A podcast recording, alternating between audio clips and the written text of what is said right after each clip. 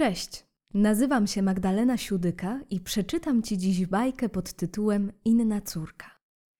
Nim jednak moja opowieść dotrze do Twych uszu, wiedz proszę, że audycja ta powstała w ramach współpracy podcastu Fikcje i Narracje oraz Teatru Wolandyjskiego. Wiedz też proszę, że nie usłyszałbyś tych słów, gdyby nie fakt, że projekt ten sfinansowany został ze środków miasta stołecznego Warszawa w ramach programu Mobilni w Kulturze 2021. Dziękujemy. Historia ta dedykowana jest słuchaczkom i słuchaczom dorosłym.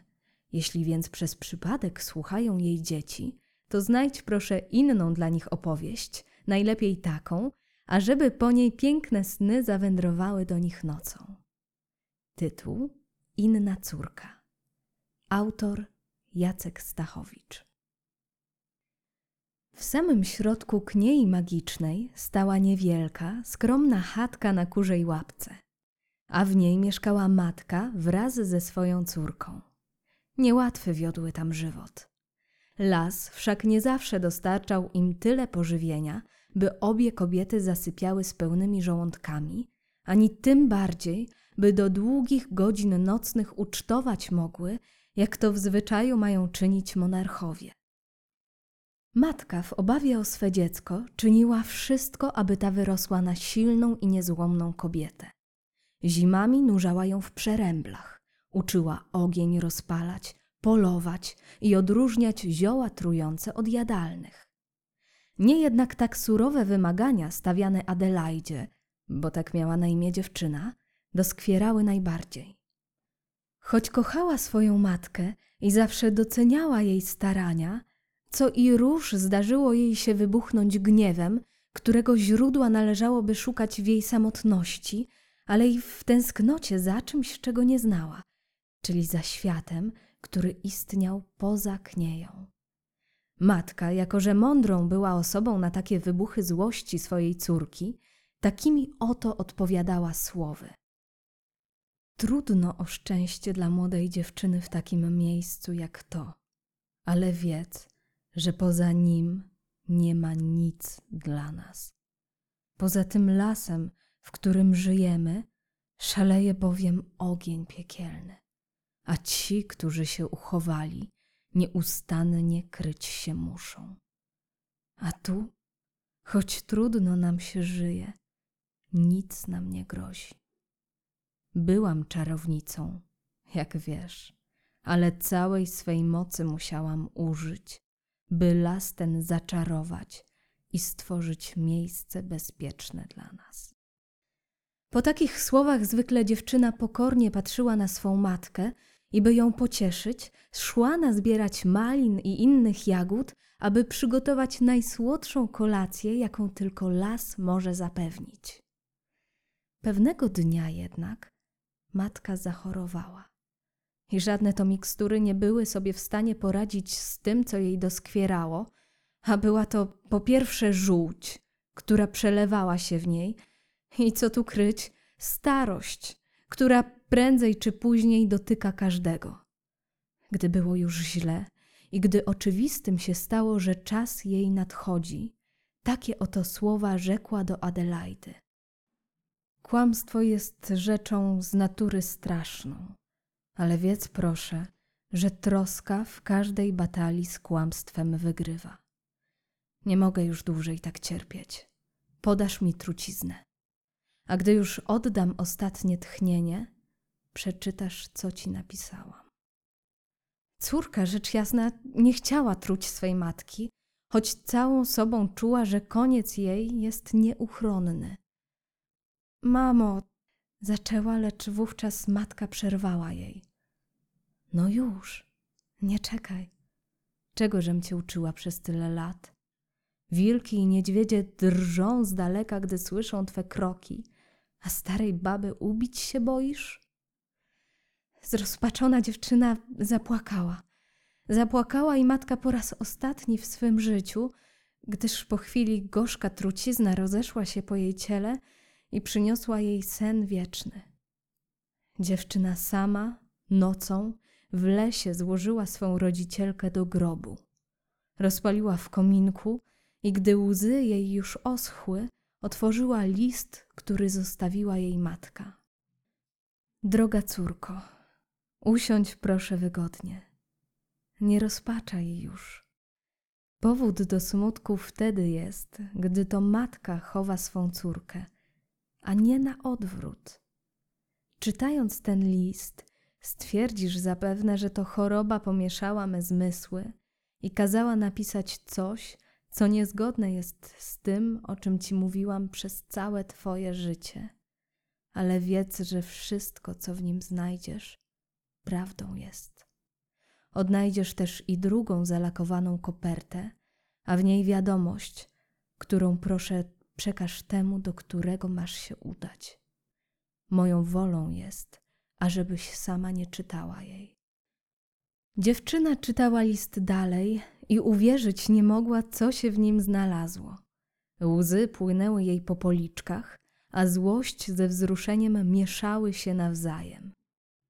Nazajutrz, zgodnie z ostatnią wolą matki, Adelaida ruszyła w podróż.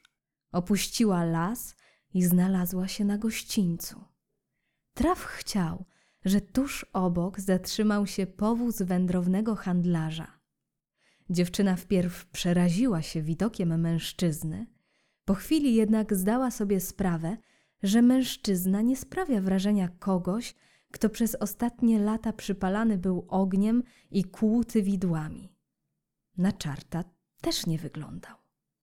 Podśpiewywał za to radosną piosenkę, gwizdał co i rusz racząc się winem z antałka.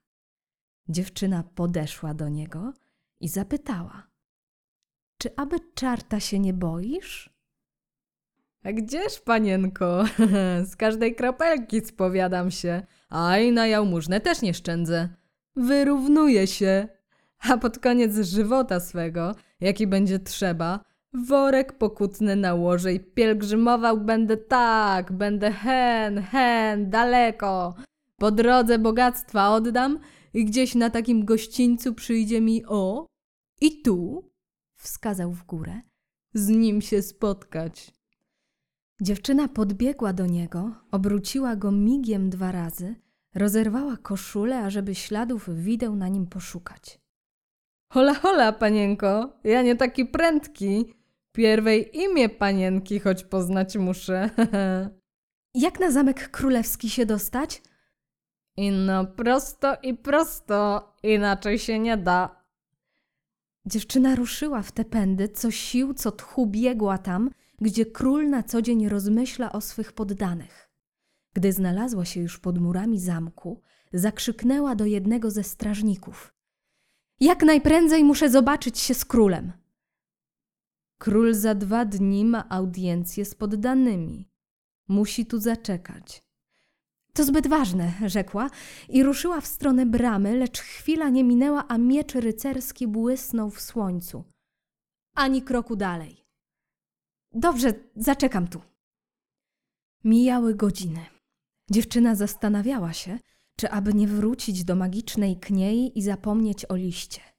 Kilkukrotnie jeszcze próbowała przebłagać strażnika, aby wpuścił ją wcześniej, lecz ten był nieugięty. Szukała też wyrwy w murze lub sekretnego przejścia, aby niepostrzeżenie dostać się za mury zamku. Lecz dobrze był on zbudowany i z każdej strony strzeżony. Nazajutrz dziewczyna znów podeszła do strażnika, by przebłagać go o szybszą nieco audiencję u monarchy. Ten rzekł tylko jedno słowo: Nie. I tuż po tym on, jak i kompan jego, padł na ziemię i jął chrapać. Zdziwiło to Adelaidę niebywale. Sprawdziła, czy wszystko z nimi dobrze i rzekła: Sen ich zmorzył, ale tak nagle? Dziwne. Mimo tego niecodziennego zdarzenia, przedostała się do wnętrza zamku, mając nadzieję spotkać się z królem. Zanim jednak dotarła do sali tronowej, mijała rycerzy, damy dworu, straże i wszyscy byli pogrążeni we śnie. Dotarła w końcu do sali tronowej, a tam król i wszyscy jego doradcy nic, tylko głośno chrapali. Dziewczyna przez chwilę pomyślała, że może to też jej się śni i postanowiła się uszczypnąć. Ała! Syknęła i ból jej stał się dowodem, że to, co się dzieje, jest prawdą. Po tym, co zobaczyła, postanowiła zwiedzić cały zamek. Takiego przepychu nie widziała w życiu jeszcze. Na ścianach wisiały trofea myśliwskie, obrazy w złotych ramach i karminowe zasłony. Podłogi przysłaniały ręcznie tkane dywany lub ręcznie malowane płytki. Z sufitu zaś zwisały kryształowe żyrandole. Po chwili Adelaida dotarła do schodów i wspięła się na najwyższe piętro. Z okna widziała śpiącą świtę króla. Na końcu zaś korytarza dotarła do pomieszczenia, gdzie zastała wrzeciono, a tuż pod nim śpiącą królewnę w pięknej bieluteńkiej sukience, a obok drzemała także starsza kobieta. Na kciuku królewny znajdowała się już nieco zaschnięta krew. Dziewczyna nie rozumiała, co się wydarzyło. Zdawała sobie jednak sprawę, że odpowiedź może znaleźć w drugim liście, który otrzymała od matki. Mimo iż bardzo nie chciała złamać jej ostatniej woli, zerwała pieczęć, a tam takie ujrzała słowa. Drogi królu Ferdynandzie, przez lata nie pojawiłeś się choćby przy krańcu magicznej kniei, ażeby swą córkę obaczyć. Patrz więc teraz. Oto stoi ona przed tobą, dorosła, piękna i mądra. Wszak przekazałam jej wszystko, co sama wiedziałam. Nie żądam, aby się uznał i do królewskiego rodu przyjął, ale uczyń tak, by jej żywot był dostatni i dobry, a twoje sumienie spokojne. Jeśli uczynisz mą wolę, czar pryśnie. Twoja córka królewna nie będzie już musiała bać się o żadne wrzeciono. Nic jej grozić nie będzie i lata miną, nim sen wieczny ją zmoży. Jeśli jednak woli mej nie spełnisz, przyjdzie dzień taki, kiedy ona ukłuje się igłą, a ty wraz ze swą żoną i wszystkimi na zamku pogrążycie się we śnie. List dziewczynie wypadł z ręki i złość ją przepełniła. Przypomniała sobie bowiem wszystkie dni przepełnione głodem, pustką i chłodem, a tu stół aż uginał się od jedzenia. Nienawiść przepełniała ją tak wielka, że podeszła do króla i zdjęła zeń koronę i nałożyła ją na swoją głowę. Wszystko to razem sprawiło, że mury zamku bluszczem zaczęły porastać. Wierzby płaczące przemieniły się w jadowite żmije, a szczenięta, które kilka dni temu na świat przyszły, stały się siedmiogłowym potworem, który zaczął strzec zamku.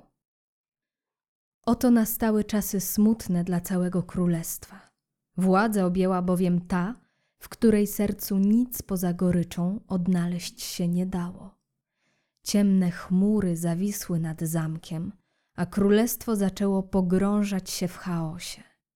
Zwykli ludzie cierpieli katusze, ale monstra, zbójcy i inne diabelskie pomioty miały się wówczas doskonale. Ci, którzy się ostali, wysłali wici, że potrzebny jest rycerz, który zgładzi siedmiogłowego potwora, a wiedźmę w sobie rozkocha. I może jakimś cudem uwolni królewską parę i ich córkę. Poprawdzie niezbyt wielu wierzyło w to, że zła kobieta ich więzi. Większość uważała, że ich pożarła i stąd czerpie siłę. Jakkolwiek nadzieja kazała wierzyć, że może ród królewski wciąż się ostał. Wici z czasem obrosły w legendy o złej wiedźmie, która urok rzuciła na zamek i złe moce w jego obręb sprowadziła. Przybywali więc rycerze, ażeby złu kres położyć. Lecz ilekroć ktoś zbliżał się do zamku i ujrzał potwora, uciekał w popłochu. W końcu jednak znalazł się rycerz, któremu niestraszne było to, czym żył zamek. Sprytny był i wiedział, że w walce jak równy z równym szans nie ma z wiedźmą, więc wpierw zaczął dowiadywać się tego i owego o kobiecie, która zasiadała teraz na tronie królewskim. Udał się więc do handlarza, którego to spotkała dziewczyna na swej drodze i po krótkiej rozmowie wiedział już, gdzie ma się udać. Zawitał do opuszczonego domu w lesie, skąd kilka wziął rzeczy dziewczyny, ażeby poprzez sentyment rozkochać ją w sobie. I zgładził rycerz potwory, i pociął bluszcz, i zjawił się młodej wiedźmy, rozkochał ją w sobie.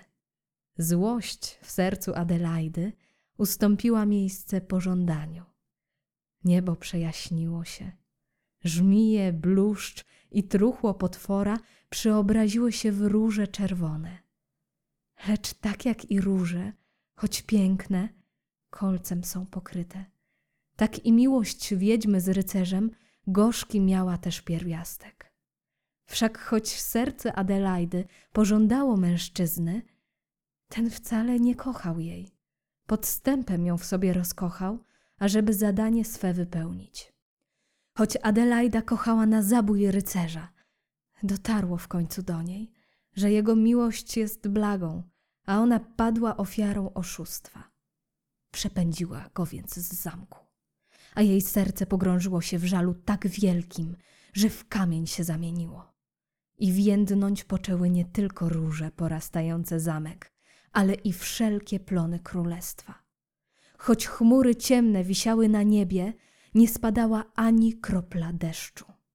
Wiedźma całe dnie w łóżku spędzała, a królestwo pogrążało się w jeszcze większym chaosie. Mijały dni i noce, a jedno podobne było do drugiego. Którejś z długich nocy przyśniła się Adelaidzie jej matka. Jak żywa stanęła w jej komnacie. Drgnęło prędko kamienne serce wiedźmy i już chciała podbiec do matki i uściskać ją, lecz ta gestem ręki jej zabroniła i za sobą iść kazała. Przeszły korytarzami zamku, aż pod drzwi, gdzie wrzeciono stało i cały czas spała królewna. Spojrzała wówczas matka gniewnym wzrokiem na córkę i rozpłynęła się. Obudziła się wiedźma, pobiegła do komnaty z wrzecionem. I gdy dobiegła, dopadły ją wątpliwości, bo przecież wcale nie wiedziała, co robić. Usiadła przy swej przyrodniej siostrze, której urody przez te kilka miesięcy pobytu na zamku bardzo jej zazdrościła. Pochyliła się nad nią i pierwsza łza zaczęła płynąć z jej oczu. Po niej kolejna i kolejna. Wiedźma uświadomiła sobie źródło swej nienawiści i współczucie zaczęło drążyć jej kamienne serce. Płacząc, nachyliła się nad siostrą i łza jej skapnęła na śpiącą królewnę. Wtem ta otworzyła oczy, a za nią poczęli budzić się król i królowa, a po nich cała świta, dworzanie i rycerze. I deszcz począł padać, ziemię jałową użyźniając, a po burzy wyszło słońce i tęcza niebo ozdobiła. Nastąpił więc czas przebaczenia. Adelaida przebaczyła królowi, swemu ojcu, a on wraz z królową, cały dwór i królestwo przebaczyło młodej wiedźmie. Śpiąca królewna, choć na niej klątwa matki Adelaidy ciążyła, nie musiała wybaczać młodej wiedźmie, bo serce miała czyste i miłością od razu obdarzyła swą przyrodnią siostrę. I kochał król obie córki i porówno im władzę w królestwie rozdzielił. A że jak wszyscy wiedzą, częścią życia jest śmierć, która wszystkich dotyka, tak i w końcu król odszedł. Rządzić zaczęły siostry. I nie musiało minąć wiele lat, ażeby lud już za życia począł je wielkimi nazywać.